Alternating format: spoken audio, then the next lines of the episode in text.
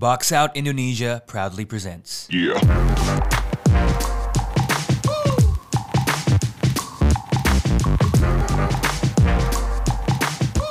Oke, kembali lagi di podcast ATTL Basket.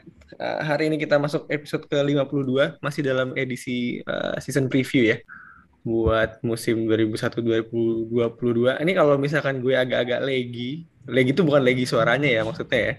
Lebih ke legi otaknya, mohon maaf ya. Ini di antara ngantuk dan sariawan. Jadi sariawan gue itu bisa membawa pusing ini ini agak-agak agak-agak lemah nih jadinya ya. Cuman kita kita jalanin aja ya. Jadi seperti biasa ada gue Adit, ada Abi, What up, what up? dan ada Faiz. Halo, halo. Jadi ini Faiz nih basically bakal jadi main di podcast ATTL Basket sih. Jadi buat teman-teman semua stick around ya. Faiz bakal bakal banyak kita ajak gitu. Nah, jadi kemarin itu di episode ke-51 kita sudah ngomongin soal tim-tim dari Southeast. Jadi hari ini kita bakal ngomongin tim-tim dari Northwest gitu. Jadi ceritanya dari dari pojok kanan bawah kita ke kiri pojok kiri atas gitu kan. Meskipun ada beberapa tim yang sebenarnya tidak di pojok kiri atas. Jangan salah, jangan salahkan OKC relokasi, Pak. Salahkan Seattle yang nggak punya uang. Ini mungkin misalkan buat yang nggak familiar ya di Northwest tuh ada apa aja. Jadi basically ada Denver Nuggets yang ya, ya technically agak di kiri atas sedikit sih, tapi lebih ke tengah juga sebenarnya kan. Ada Minnesota Timberwolves yang basically di atas, tidak di pojok Masih kiri. North, masih North, masih North. Nggak apa. Terus ada OKC Thunder yang di bawah, dia udah udahlah tidak di barat, tidak di bawah pula gitu. Tapi itu tadi karena Seattle ya basically ya. Terus ada Portland Trail Blazers, ya ini baru bener nih. Dan juga ada Utah Jazz. Jadi ini kita langsung mulai aja lah ya. Udah lumayan panjang nih. Kita langsung ke tim pertama Denver Nuggets. Jadi mungkin eh, sama kayak kemarin ya. Eh, pertanyaan gue cukup simpel. Gue mau ke Faiz dulu ya, gitu kan. Dengan pergerakan mereka di off season, eh, Denver Nuggets ini, lu ngeliatnya gimana, eh, Is? Jauh ini, Is? gue suka sama rekrutannya si Jeff Green sih karena kan dia udah terbukti kalau misalkan di uh, Nets juga lumayan bang signifikan banget kan additional dia dia bisa jadi uh, small bisa main small five bisa jadi main di lima atau bisa juga jadi uh, jaga buat perimeter atau bisa jaga buat uh, wing yang big size gitu itu additional yang berharga banget tapi kalau yang gue sesalkan itu hilang tuh si Javel McGee sih. Jadi jadi kurang rame aja benchnya. Kurang entertaining. Iya, Jadi, jadi bu- bukan terkait dengan permainan ya? Enggak. Maskot maskot harus dikit tuh maskot. Eh, permainannya juga juga ini, Matt. Permainan juga hilang gitu. Tapi bukan hilang dari segi impact, hilang dari segi entertainment value-nya lagi kembali. Eh, emang nggak ada, emang nggak ada ya jadinya. Tragic Johnson. Eh, ada lagi Is, yang lo note dari pergerakan-pergerakan Nuggets? Atau Udah itu sih aja? kalau dari gue soalnya kan juga nggak gitu banyak perpindahan pemain. Kalau Millsap sih gue ngerasa udah nggak gitu banyak lah impactnya di Nuggets. Lagian kan udah udah di cover juga sama Jeff Green dan ada Aaron Gordon juga. Ini mungkin sebelum gua geser ke Abi ya, gue sedikit kaget gitu loh. Maksudnya dengan dengan Jeff Green, gue akan berpikir dia dia udah di Nets ya. Hmm. Apa yang dicari lagi gitu sih? Maksudnya kan kayak tinggal run it back. Basically dia di, di, di Nets sendiri juga bukan orang yang harus mencari posisi. Dia udah ada posisi dari sana. Dia nggak nggak nggak perlu bersaing dengan law apa dengan eh, rekan satu timnya untuk dapetin that sixth or seventh spot gitu kan. Bahkan on some occasion dia masih masuk di uh, first lineup gitu loh on some occasion gitu. Nah, dan gue gue nggak gue nggak nggak gitu tahu perjalanannya gimana lah sampai akhir di Nuggets, but menurut gue one of the biggest steal ya di free agency ini. Not bukan karena Jeff Green emang paling besar gitu kan, tapi kayak tadi yang Faiz bilang bisa dibilang Jeff Green ini bisa mengcover semua gitu loh, both on offense and defense gitu kan. He can a little bit uh, megang bola sedikit gitu kan kalau misalnya mau dibutuhkan. Dan kita tahu uh, Jokic sangat senang dengan orang-orang yang suka ngecut bisa cutting. Well basically Jeff Green bisa ngelakuin itu juga. Jadi he can do a little bit of everything lah ya. Jadi a big big win di mata gue. Considering season kemarin kan salah satu uh, kekurangan Nuggets adalah kehilangan sosok Jeremy Grant uh, Mason Plumlee itu certain level gitu ya maksudnya pemain-pemain offense di luar dari uh, Jokic dan Jamal Murray tentunya gitu kan yang sayangnya juga di uh, awal season ini kita juga pasti nggak akan lihat rasanya malah sampai All Star break kayaknya jadi setahun lebih kalau nggak salah gue Uh, cuma nanti tolong koreksi aja. Nah, Bi, uh, lu sendiri Hmm. nih Hmm? dengan dengan yang masuk yang keluar dari Nuggets, lu ngeliatnya gimana? Um, I think the most notable one would be uh, kind of that Uncle Jeff edition. Karena as you know dia one of the most versatile, versatile defenders juga. Menurut B-Ball Index dia the best uh, switching defenders. Jadi dia dari segi jaga 1 sampai 5 dia bisa dia makan semua lah. And I think that says a lot about him. One thing to note juga adalah uh, yang ini gue suka rookie-nya Bones Highland. I like that. Uh, tapi gue uh, mungkin dia bisa jadi that kind of um, good piece uh, going forward Cuman yang mau gue note di sini adalah gue masih nggak ngerti kenapa mereka ngasih extension ke Aaron Gordon before giving an extension to Michael Porter Jr. Karena kalau misalnya if I were to kind of prioritize my ini ya apa ya uh, extension gue ya gue akan pasti nge-push buat MPJ dulu nih dibanding gue ngasih buat Aaron Gordon karena mereka berdua pun um, next year itu sama-sama uh, free agent gitu di, di next off season. Hmm. Soalnya spesifik ngomong itu ya, gitu kan. Sebenarnya eh, pas banget gue sebenarnya tadi sebelumnya mau nanya itu kan, cuma karena lu udah eh, apa namanya menyenggol sedikit. Extensionnya Aaron Gordon terlepas dari Michael Porter Jr. sendiri ya. Gue Hmm. lupa nih, kalau nggak salah itu 20 plus per year kan, 4 tahun ya. 19 nih kalau nggak salah masih di bawah du- eh, apa du- wait eh, Rata-rata 20 20. 20 ya 20 Plus minus 20 kan ya, Aha, ya kan.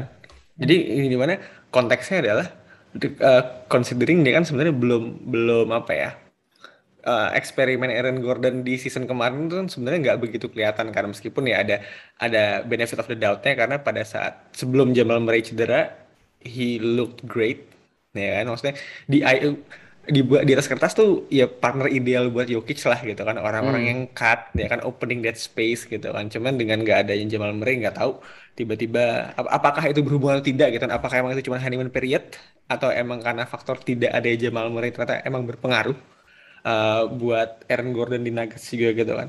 Nah cuman yang ya- yang dengan, apa? Uh, knowing that gitu kan. Fakta bahwa Nuggets ngasih kontrak itu sebesar itu maksudnya ada increase lah gitu kan. Ya sangat pede gitu. Maksudnya gue nggak tahu apakah memang sebenarnya uh, yang pengen dilakukan oleh Michael Malone adalah sesuai dengan pada saat sebelum Jamal Murray cedera gitu kan. Maksudnya blueprint yang pengen dia lihat gitu kan. Makanya sepede itu. Dan kalau misalkan masukin konteks MPJ tadi uh, kenapa nggak apa kenapa nggak ngasih MPJ duluan gue mungkin ada kasih sedikit angle yang berbeda gitu kan Hmm. mungkin juga sebenarnya Nuggets pun udah di di belakang duluan sama MPJ kan maksudnya salah satu karena karena kelowongan bisa sign di belakang lu mau sign siapa pun habis itu di eh, apa namanya di off season sis- eh, tahun depan dalam kondisi apa pun lu masih bisa resign eh, MPJ karena bertrade kan jadi kayak Iya. menurut gue ya apa all things considered harusnya aman-aman aja dan tambah lagi juga mungkin gue sambil geser sedikit kali ya kan kita tahu nih basically Jamal Murray nggak akan main for the uh, at the very least first half of the season nggak bakal main kan ya ya yang di mana exposure ke MPJ pasti makin gede gitu loh. Nah ngomongnya ini nih gitu kan gue spesifik gue ke lo dulu nih Bi gitu kan. Eh, apakah kita akan melihat breakout season dari MPJ di season? It's hard karena gini, jadi yang susah dari ngomongin MPJ itu adalah dia tahun lalu udah breakout. Tapi Mhm. gue gue gak akan lihat dia breakout even further karena em, gimana ya? Ketika Jamal Murray went down, harusnya kita udah bisa ngelihat a glimpse of what he is capable of doing ketika nggak ada Jamal Murray gitu kan. Tapi on di flip side ketika Jamal Murray went down nggak nggak terlalu kelihatan gitu tahun lalu. Cuma is correct me if I'm wrong ya, saya cuma maksud gue Hmm. um, gue ngeliat setelah ya itu setelah April tanggal berapa puluh 20-an gitu Jamal Murray cedera ya MPJ karena gue punya di fantasy ya. Ya produksi Mhm. sebenarnya sta, sta, stagnan eh stagnan standar gitu ya, masih kayak there you get some highs you get some lows tapi ya sama gitu. And in the playoffs juga kita ngeliat kan as much as a streaky shooter atau ya as much of a scorer he is dia belum bisa creating his own shots. Dan I don't see kayak MIP atau kayak breakout season itu bagi pemain yang belum bisa creating his own shots itu akan sulit itu. It's it's Hmm. different ketika lu Hmm. ngomongin OJ Anunoby in when which dia lagi udah mulai creating his own shots, mulai bisa main sebagai ball handler di pick and roll. But MPJ is, is walaupun dia super efisien ya, gue suka banget. And I think you're he's the perfect complementary piece to Jokic, but I don't see him breaking out. Maksud gue, he's gonna apa ya? Menurut gue breakoutnya dia adalah ketika dia bisa maintain that production level set- stuck apa konstan selama satu musim dibanding dia take a leap tapi lebih volatile, lebih volatile. Ya otomatis karena kan secara tidak langsung presentasi yang lo ambil makin rendah kan. Makin rendah. Nah maksudnya gitu. Jadi kayak Ya, apa ya. The consistency is gonna be the next step about him. Gue gak mau dia yang kayak, okay he can score 25 in one game shooting 60% and 50% from three and then the next game he disappears gitu. I, I wanna see him match approve itu. That's gonna be the next Hmm. step for my man MPJ. Fair, fair. Dan, dan kenapa tadi gue apa sengaja spesifik pakai bahasa breakout ya. Karena sebagus-bagusnya dia season kemarin ya kita tahu itu bukan bukan bukan breakout dia gitu kan. Maksudnya kenapa uh, ketika nggak de- dengan tidak ada Jamal Murray bahkan dari startnya season kan maksudnya kan kebutuhan dia untuk step up jauh lebih besar gitu. Apalagi melihat maksudnya kita tahu Aaron Gordon kapasitasnya gimana kan. Kita nggak mungkin expect uh, Aaron Gordon yang mengisi role Jamal Murray kan sangat tidak mungkin gitu. Jadi kayak the next closest thing gitu kan at least scoring wise ya. Maksudnya yang akan kayak expose ya udah pasti MPJ gitu loh. Yang di mana dengan ngelihat storyline-nya sedikit MPJ ya, gue sih sebenarnya pengen ngeliat dia bisa breakout di season ini gitu loh. Karena Oh, ada seperti loh, yang Len. mungkin Anda tahu, Ada Austin Rivers loh. Ada Austin Rivers loh. Austin Rivers tapi ya he- he's gonna score the winning basket gitu kan tapi basically that might be his only basket gitu meanwhile MPJ might carry the team gitu. Nah lo tau lo basically lo tau lah Bi gitu kan gimana gue masih punya pendapat bahwa basically MPJ is much better than Jamal Murray. Jadi gue Oke, pengen lihat oke. dia dia apa namanya uh, breaking out di season ini gitu kan. Salah satunya adalah untuk uh, memperkuat argumen gue gitu. Kan nah Cuman gini ya, tadi gue udah nanya ke Abi, Is, gue pengen tahu Is, maksudnya de- dengan kondisinya Nuggets sekarang gitu kan, ekspektasi lo uh, buat Nuggets, Nuggets at least sampai All-Star break nanti gimana Is? Nuggets will be fine sih nggak ada Jamal Murray. Karena itu tadi eh, kalau gue sebenarnya ekspektasi gue MPJ bakal jadi second best scorernya Nuggets. Dan sebenarnya gue mau ngebantah Abi tadi sebenarnya MPJ itu bisa bisa create his own shot gitu. Dan at certain level pas Jokic nggak ada di eh, lapangan dia create his own shot gitu. Cuma masalahnya adalah si Michael Malone ini mau nggak main lewat Hmm. MPJ karena playbooknya Nuggets itu wholly full lewat Jokic entah Jokic berpusat Jokic di elbow habis itu semua orang berputar di Jokic atau Jokic di post habis itu semua orang berputar cutting ambil lewat dia gitu. Makanya lebih jarang melihat MPJ uh, make his own shot gitu. Cuma uh, kalau misalkan dibikinin playbook khusus kalau misalkan oh MPJ main uh, apa namanya pick and roll gitu sama Jokic itu bisa gitu. Karena dia dia pun juga uh, apa namanya shooting formnya juga oke gitu dan kalau untuk sampai eh, apalagi sampai eh, selama regular season doang sih menurut gua akan baik-baik aja. Karena Facundo Campazzo kan juga di Nuggets gitu. Ada Austin Rivers ada Monte Morris. Jadi penggantinya penggantinya Jamal Murray sih nggak nggak kurang sih di Nuggets. Jadi akan baik-baik aja. Kecuali kalau misalkan Jokicnya yang cedera nah itu baru semua baru semua bubar itu cuma kan seca- secara sekarang dia udah makin berotot kan harusnya jadi makin sehat ya Tapi nggak jaminan nggak sih? Soalnya kan ada juga tuh uh, big man dari Eropa yang kelihatannya makin berotot, tapi gitu-gitu aja. Beda itu. Nggak lebih sehat juga. Katanya kalau air di Latvia lebih ini soalnya, lebih cemen. Tapi ini ya, apa namanya? Gue mungkin sambil uh, sambil ke Faiz juga gitu. Maksudnya kan uh, dengan gak ada Jamal Murray kan, nggak gue nggak tahu ya apakah Michael Malone akan opting to uh, Austin Rivers, uh, basically untuk filling apa uh, Jamal Murray's role ya gitu kan. Karena kalau misalkan cuman lihat dari scoring output ya yang paling mendekati di posisi itu opsinya kan Monte Morris atau uh, Austin Rivers ya. Depends on nanti uh, gimana Michael Malone ngeliatnya gitu kan. Tapi gue mau nanya ke lo Is, gitu. what are the odds gitu kan basically Campazzo bakal starting the game and closing the game. How do you fancy his chance is? Selama Murray cabut sih gue rasa itu yang akan kejadian sih. Karena kan apalagi juga ngelihat yang dilakuin di timnas Argentina kan juga itu yang dilakukan. Dia, leading timnya eh, dia ngatur offense-nya. Jadi itu enggak apa namanya itu bukan hal yang baru lah buat dia gitu. Cuma kalau untuk involvement di offense mungkin ya itu tadi si apa namanya Michael Porter Junior yang akan lebih banyak dia akan lebih banyak ball handling sih daripada season sebelumnya gitu jadi gue nggak akan kaget misalkan eh, nanti Michael Porter Junior akan lebih banyak naik ke top of the key atau ke elbow buat hand off habis itu nanti dia drive inside atau uh, main uh, apa namanya pick and roll sama Jokic atau sama big man lain gitu. Dan ada Aaron Gordon juga kan tadi kan sebenarnya Aaron Gordon kan uh, menurut gue cocok buat sistemnya Nuggets karena Jokic itu kan kayak tadi yang kalian udah bilang juga dia senang sama orang yang sering cutting kan.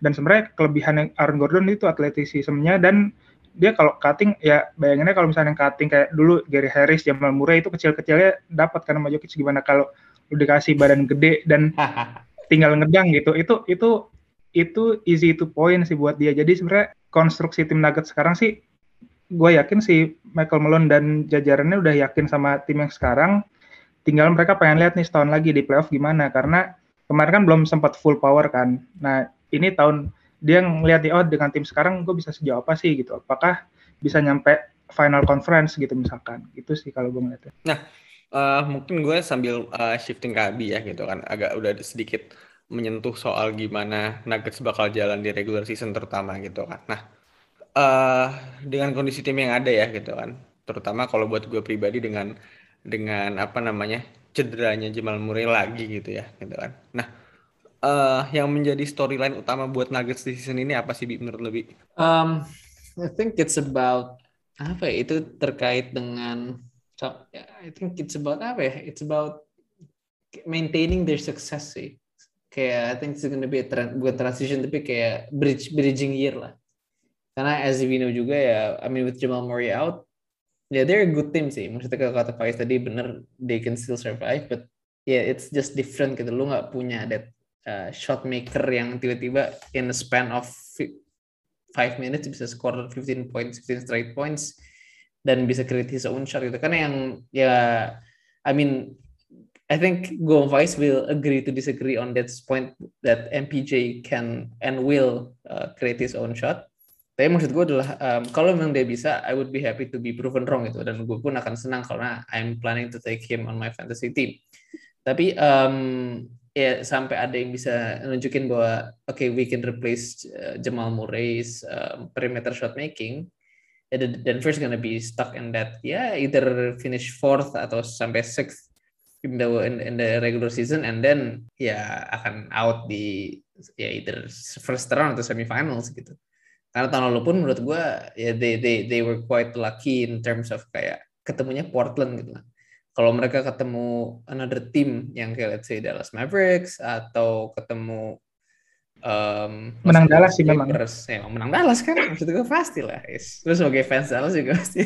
Tapi maksud gue adalah apa ya, ya kayak gitu yang kayak how would they replace atau kayak di mana mereka bisa mencari that source of apa ya creative perimeter shot making yang menurut gue masih masih masih sebuah tanda tanya sih. And that's gonna be the storyline. Kayak the first half of the season is gonna be spent on kayak Michael Malone trying out different things. Yeah. Dan dan ini sih gue pengen nambahin dikit ya sebelum geser ke Faiz ya. Lebih ngeliat bahwa ini kan bisa dibilang apa ya tuh certain manner Michael Malone dibawa ke zona nggak nyaman kan. Maksudnya kalau kita ngeliat yang udah-udah kan maksudnya ketika bola dipegang Jokic uh, offensive sistemnya sangat jelas gitu kan. Uh, mungkin gue akan bilang borderline rigid gitu loh. Karena rigidnya dalam artian ketika Jokic pegang bola semua harus bergerak kan untuk menggerakkan offense gitu loh. Nah ketika stuck kan udah jelas salah satu alasan mungkin uh, I'm not the biggest fan of Jamal Murray gitu kan. Tapi yang gue respect dari Michael Malone adalah Jokic sama Jamal Murray kan basically apa ya gaya mainnya kan dua kutub yang sangat berbeda ya. Yang di mana Jokic uh, rely dengan teammates-nya untuk uh, memberikan passing-passingnya dia. Minimal Jamal Murray ya gue cuma butuh diri gue sendiri aja untuk bikin shotnya itu kan. Makanya kenapa Nuggets at least di regular season ya karena di postseason kita sama-sama tahu mereka belum perform lah gitu kan. At least uh, dengan standar yang mereka pengen kan gitu kan. Nah maksud gue adalah uh, di uh, regular season ini basically Michael Malone akan dipaksa gitu kan. Maksudnya dari siapa? Mau dari Aaron Gordon mau dari MPJ atau bahkan dari Will Barton gitu kan. Gimana caranya bisa uh, punya variasi offense di luar dari Jokic dan ya dan tentunya Jamal Murray yang sedang cedera gitu kan. Jadi menurut gue itu cukup blessing in disguise. Tapi sebenarnya ada satu poin yang di mana gue ngelihat mungkin ini apa ya recurring issue dengan Nuggets gitu kan. Itu soal healthy. Karena kita tahu Jamal Murray uh, track record uh, kesehatannya juga kurang bagus MPJ juga masih punya uh, punggung yang masih dipertanyakan sampai sekarang gitu kan. Aaron Gordon pun juga kalau misalkan gue nggak salah ingat correct me if I'm wrong ya gitu kan. Had uh, apa has had his issues juga dengan cedera gitu kan. Will Barton pun kalau gue nggak salah kemarin juga season kemarin uh, missed extended uh, games ya lumayan banyak juga kan. Ya. Jadi kayak salah satu isu terbesar gitu dan menurut gue harusnya jadi major storyline Nuggets adalah gimana caranya menjaga semua pemain sehat apart from Jokic gitu kan. Bahkan gue sampai kepikiran uh, Jokic kemarin kan bisa dibilang main seluruh game ya salah one of the biggest reason kenapa dia bisa menang MVP adalah karena he's been available throughout the season ya kan bahkan itu kalau gue nggak salah ingat tidak miss satu game pun gitu yang di mana one of the major factor nah Nah, kita nggak tahu kan maksudnya kalau misalkan tiba-tiba God forbid ya amit-amit jabang bayi gitu kan. Season ini dia cedera karena who knows lah gitu kan. Jokic miss 10 games saja menurut gue pribadi buat Nuggets it might be a huge problem gitu kan. Apalagi kalau misalnya itu di later uh, part of the season gitu kan. Karena gue ngeliat udah pasti Michael Malone gonna take easy di regular season. Kita tahu Nuggets uh, a good regular season team kan. Jadi but ya we'll see lah gitu kan. Cuman major concern gue adalah kesehatan karena kalau misalkan uh, Nuggets full team especially di regular season gue masih pede mereka bisa compete even with the likes of uh, hmm. Clippers and Lakers sekarang gitu ya. Cuman kalau misalkan ya kondisinya masih yang di mana uh, satu sehat tiba-tiba yang satu cedera lagi maksudnya nggak pernah ada dalam kondisi mungkin agak kayak Clippers ya nggak pernah lengkap full tim di regular season ya udah otomatis uh, udah pasti mungkin di regular season sepertinya tidak akan apa-apa tapi ketika masuk position baru berasa gitu kan nah uh, Matt, Matt sorry so if the Nuggets were healthy mm -hmm. ya yeah, I mean like Jamal Murray itu kembali dari ACL 100% this mm -hmm. season lu mm -hmm. rank lu rank Nuggets di, di berapa in the West regular season ya regular season uh, gue nggak ngeliat mereka di atas Jazz yang pasti mm. uh, gue nggak ngeliat hypothetically speaking nggak di atas uh, Lakers dan Clippers ya tapi okay. gue masih berani berani argue mereka bisa dapat home court di seat 4 jadi jadi ceilingnya di 4 berarti ya yes oke okay. Alright, then that's with Jamal Murray healthy. Without Jamal Murray healthy, Iya, play in lah. Play in. Oke, oke, oke, oke. Play in juga maksudnya borderline ya, bukan yang di 9 10 enggak gitu. Cuman they might be battling that sixth or seventh seat gitu. Fair, fair, fair, fair, fair. Gitu karena karena tadi simple gitu karena kita masih belum tahu MPJ bakal gimana, Aaron Gordon bakal gimana gitu kan assuming uh, MPJ bisa kicks in dan basically bisa ambil uh, apa namanya offensive uh, role mentalnya Jamal Murray ya mungkin bisa dapat si lima bahkan gitu kan. But ya yeah, again gitu kan ini uh, West yang super tebel ya. Nah di mana margin of errornya mungkin kalau misalkan tadi gue sempat bilang Michael Malone bakal uh, eksploratif mungkin buat Nuggets resikonya lebih besar karena di West bandingin kalau misalkan uh, misalkan gue lempar nama Budenholzer kayak season kemarin hmm, di Bucks hmm, hmm, hmm. karena di East gitu kan. Yang pertama karena core-nya lebih solid. Ya kan? Jadi kayak ya uh, apa namanya uh, margin of error-nya but di season kemarin jauh lebih besar dibandingin Michael Malone gitu. Cuman again gitu ketika uh, fulcrum of offense lo Jokic gitu kan a healthy Nikola Jokic ya harusnya mereka dalam kondisi aman sih gitu kan. Kayak ya udah pasti di atas beberapa tim lah gitu kan. Yang yang yang apa namanya? Uh, even dari Suns gitu kan. Maksudnya I rate Suns that highly gitu kan. Cuman rasanya juga di regular season sekarang rasanya nggak bakal yang sebegitunya gitu kan. Eyes on the price gitu lah. Okay. Jadi kayak Nuggets ya they, they can still hold it lah gitu. Nah, eh cuman gue mau geser nih ke Faiz gitu kan. Gue tadi udah nyampein, Abi juga udah nyampein gitu loh. Dengan lu ngelihat uh, Nuggets yang ada sekarang dan yang tidak ada ya gitu kan storyline yang bakal penting apa is sejauh ini lu lihat? Storyline-nya malah menurut gue kebalikan dari yang kita sering ngomongin dari tadi. Storyline menurut gue Nuggets musim ini adalah defense. Karena itu PR besar buat dia karena di musim kemarin pun juga setahu gue defense dia tuh bukan top 10 di league. Uh, jadi dia ngedatengin Jeff Green, dia extend Aaron Gordon itu udah jelas untuk na naikin defense dia karena kemarin kan kayak kemarin di playoff yang jaga Dame aja kan Aaron Gordon kan. Jadi dia nambahin Jeff Green uh, apalagi Campazzo bisa main full karena kan Campazzo defense-nya ya bisa dibilang lebih bagus daripada Jamal Murray. Jadi sepanjang uh, regular season menurut gue naikin defense dia jadi di top 10 di liga sama uh, nambah-nambahin playbook untuk uh, di playoff sih. Dan gue rank uh, Nuggets lumayan tinggi menurut gue ceiling Nuggets tuh sebenarnya top top 3 peringkat dua sebenarnya bisa dapat mereka Cuma kalau misalkan kalau misalkan itu kan kalau misalkan hypothetically semuanya sehat gitu kan cepat Ah, sehat oke. Jamal Murray misalkan di Januari udah sehat gitu. Cuma kalau misalkan uh, Jamal Murray baru balik misalkan let's say di Maret gitu uh, mungkin di peringkat 5 sih. Cuma nggak nggak akan sampai jatuh ke play-in menurut gua. Fair, fair, fair, fair.